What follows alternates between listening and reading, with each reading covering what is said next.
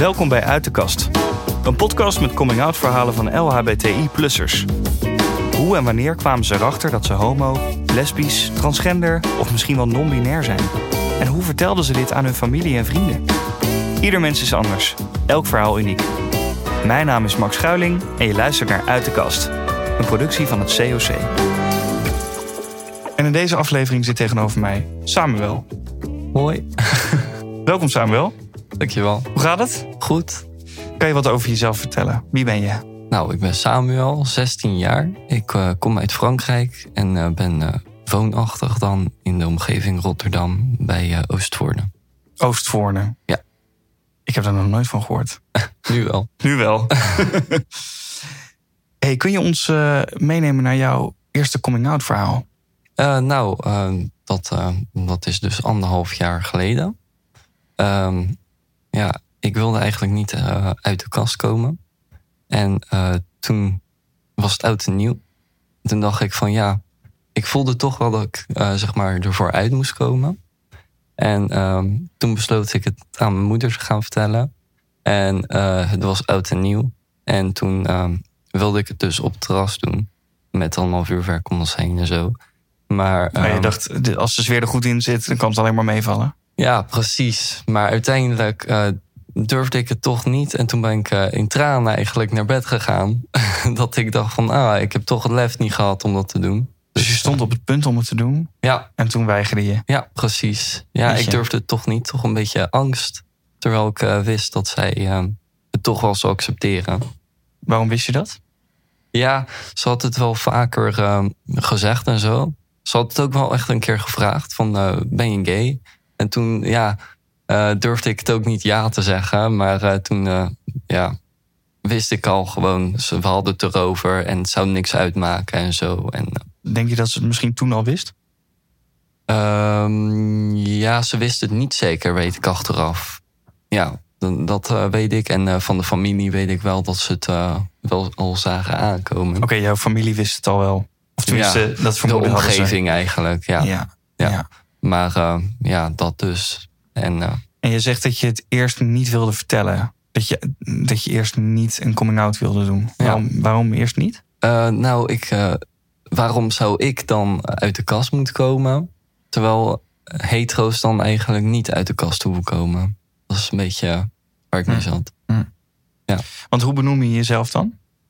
ja, homoseksueel eigenlijk. Maar dat is een beetje een labeltje gewoon mens. Ja. Ik bedoel, ja. ja, ja. Maar in het rijtje LHBTI zou jij...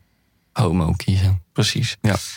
Maar hoe ging het dan wel, je coming out? Nou, um, toen uh, heb ik zeg maar s'nachts, toen ik uh, moest huilen zeg maar... heb ik dus gedacht van ja, hoe ga ik het anders doen? En ik zocht dus een manier waarop, uh, waarop ik het toch niet direct zou hoeven vertellen. Want dat had ik gemerkt, dat werkt te veel stress op. Mm -hmm. Dus um, toen bedacht ik via WhatsApp en, uh, maar via WhatsApp, dan zou ze wel eerst naar de werk moeten gaan. Maar ze had nog een week vrij.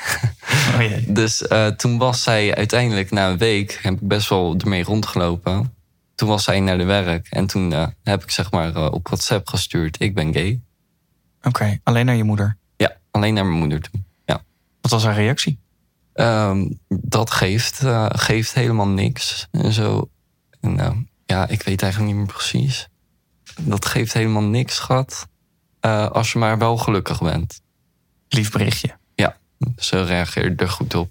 Ja, ja. wat vonden ze ervan dat je dat via WhatsApp deed?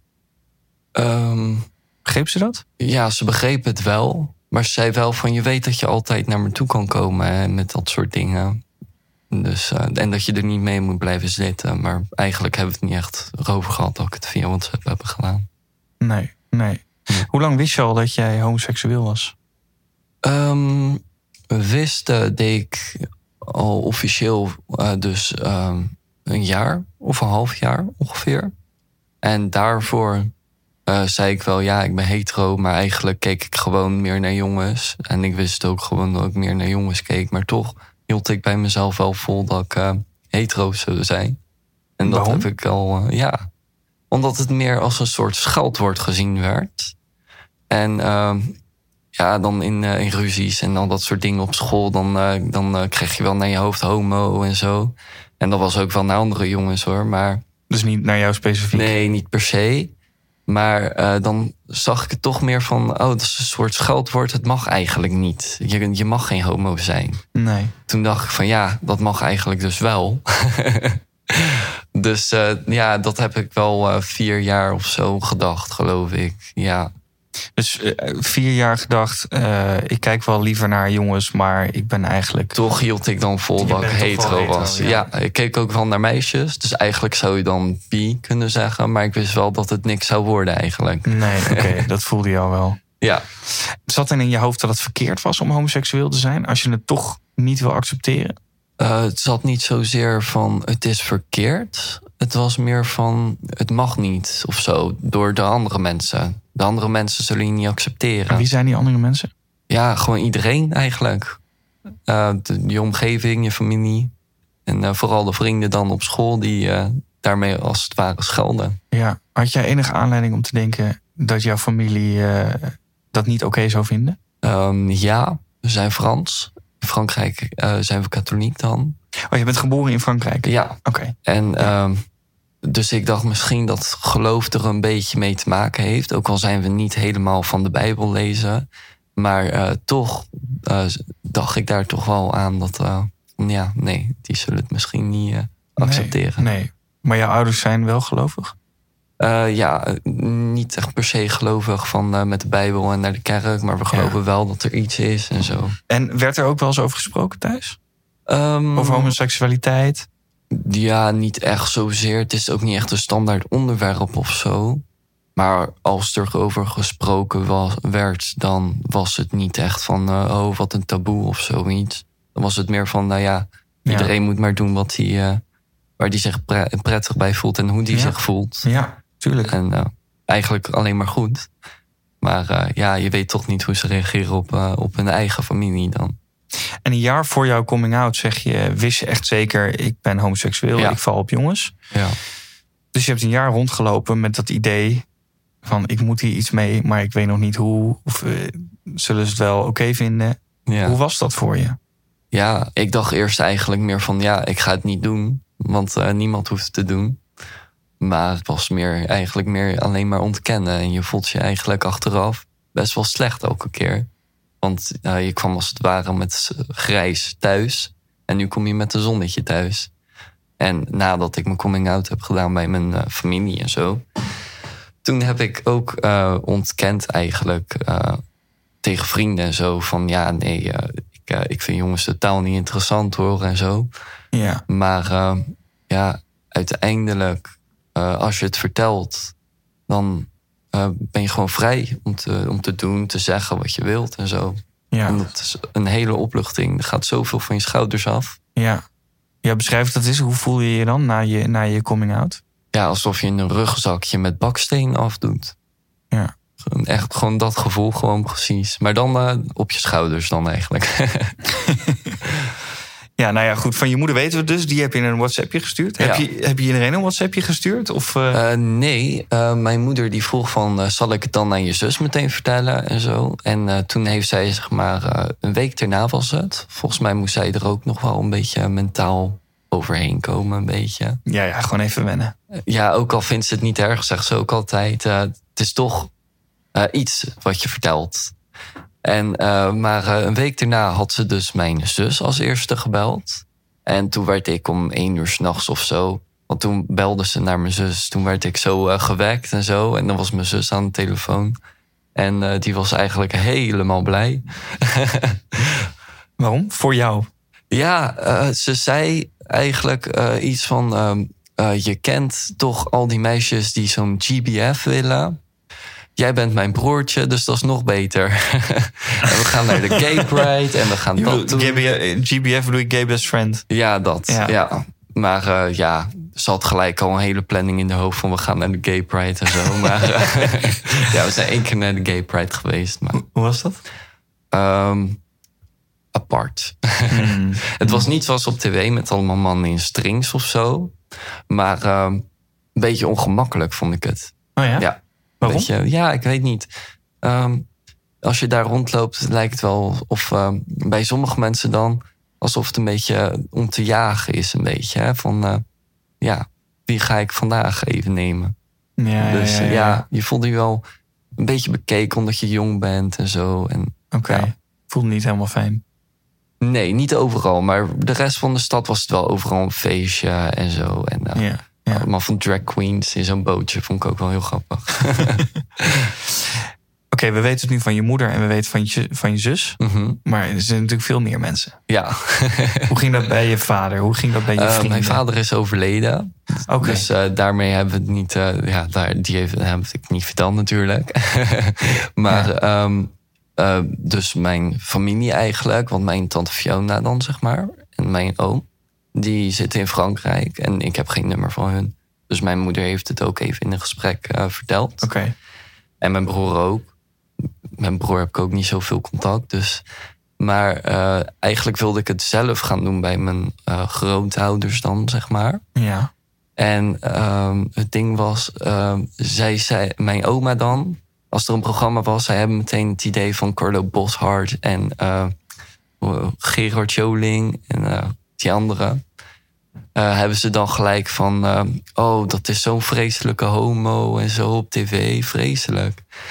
Eh, dus daarom durfde ik het niet zo. Ik heb ook heel lang gewacht om het te doen. En ja, want mijn oma die zei dan, dan zei mijn opa dan van, kom zullen we dat kijken? En dan zat zij zo van, wel nee joh, dat moet je niet willen. Zo'n vreselijke homo weer op tv.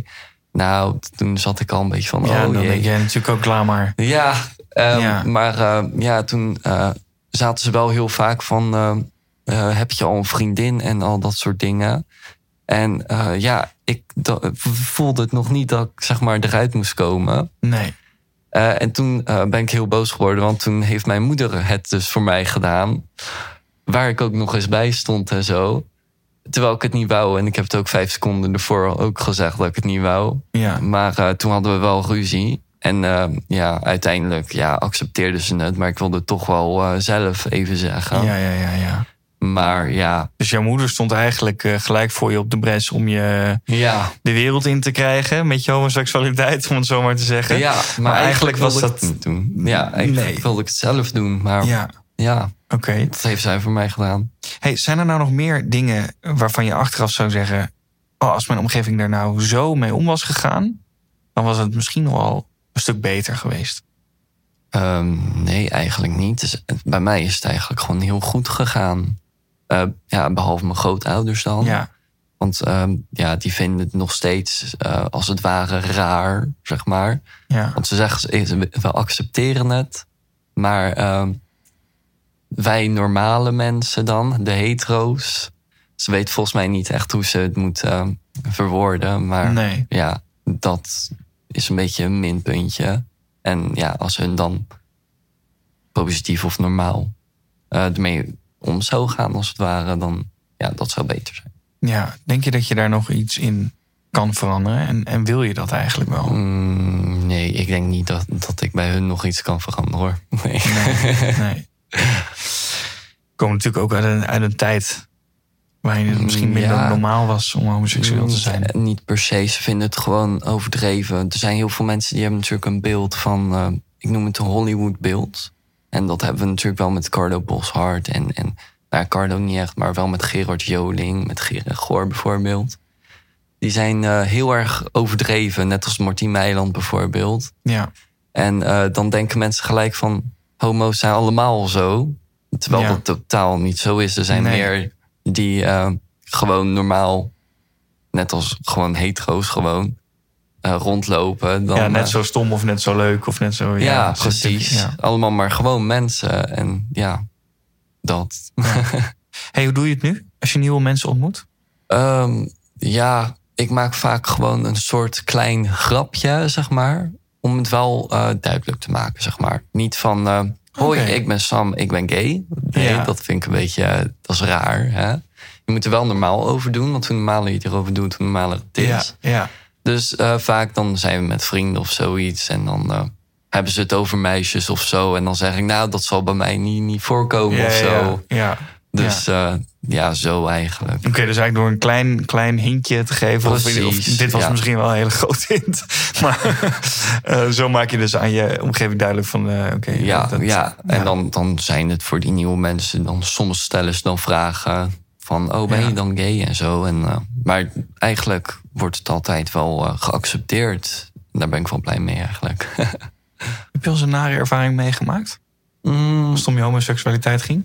Ja, op school wel eh, uitgescholden, vooral voor homo. En welke, wel- welke klas zat je dan? Welke groep? Eh, dat was in de eerste. En Ja. tot de tweede ongeveer. Oké, dus een brugklasse. Ja, Ja. ja. En dan, eh, ja, gewoon, het ging niet echt per se om mij, volgens mij. Maar eh, ja, het was gewoon een beetje om een soort sport uit te oefenen of zo, leek het wel. Hoe bedoel je dat? Ja, pesten dan. Ja, ik, ik vind pesten weer een groot woord, maar plagen. Alsof ze dat heel erg leuk vonden, dus daarom. Maar dat gaan zeggen. Oké. Want verder had ik niks met ze te maken. En eh, heb je wel eens een, een eh, coming-out gehad die verkeerd is gelopen? Nee, eigenlijk niet. Tot nu toe nog niet, in ieder geval. het is ook te hopen dat het eh, niet zo zal gebeuren. Maar eigenlijk, nee, is het eigenlijk goed gegaan. Eigenlijk best Ja. een saai verhaal, Ja. maar het is goed gegaan.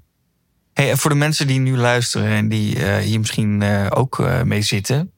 ehm, wat heeft jou nou geholpen om er, ja, om er voor jezelf uit te komen? Op een gegeven moment, ik keek zelf, keek ik een film op tv met homo's. En ik zag dat ze gelukkig waren en zo. En ik zag mezelf heel erg erin.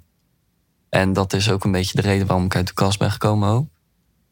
Maar ehm, ik zag vooral van, ja, hun zijn jong. Ik had mezelf een beetje vergeleken met hun. En zo, die zien er wel heel gelukkig uit samen, zeg maar. Ook al hebben ze een zware coming-out gehad, zagen er heel gelukkig uit. En toen dacht ik van, ja, zo kan het dan eigenlijk ook bij mij gebeuren. Ja. Dat ik ook gewoon gelukkig ben. Niet Ja. per se dat ik iemand heb, maar gewoon een last van je schouders. Precies. Ja. ja. Dus dan is je tip: kijk die film. Ik, ik snap dat het lastig is. En eh, ik weet het ook, het is heel moeilijk. Maar uiteindelijk gewoon doen, zeg maar. Gewoon zeggen of zo. Al typ je het op WhatsApp, zoals ik. Gewoon doen eigenlijk. En de rest komt vanzelf gewoon. Het gaat allemaal in één keer lopen eigenlijk. Ja. Ja. En als je nou terugkijkt op die hele periode, is er dan misschien iets wat jij zelf anders had kunnen doen? Ik denk eh, eerder ervoor uitkomen. Ja. Eerder die stap nemen. Ja, eerder eh, ook aan eh, vrienden en zo vertellen. Gewoon eh, eerder doen eigenlijk. Ja, als ik dat eerder had gedaan en zo, dan was het eigenlijk veel leuker geweest. Dankjewel. Alsjeblieft. Bedankt voor het luisteren. Dit was Uit de Kast. Een productie van het COC, de Nederlandse Belangenvereniging van LHBTI-plussers. Ben je fan van Uit de Kast? Laat dan een rating achter, zodat meer mensen de podcast kunnen vinden. Tot de volgende!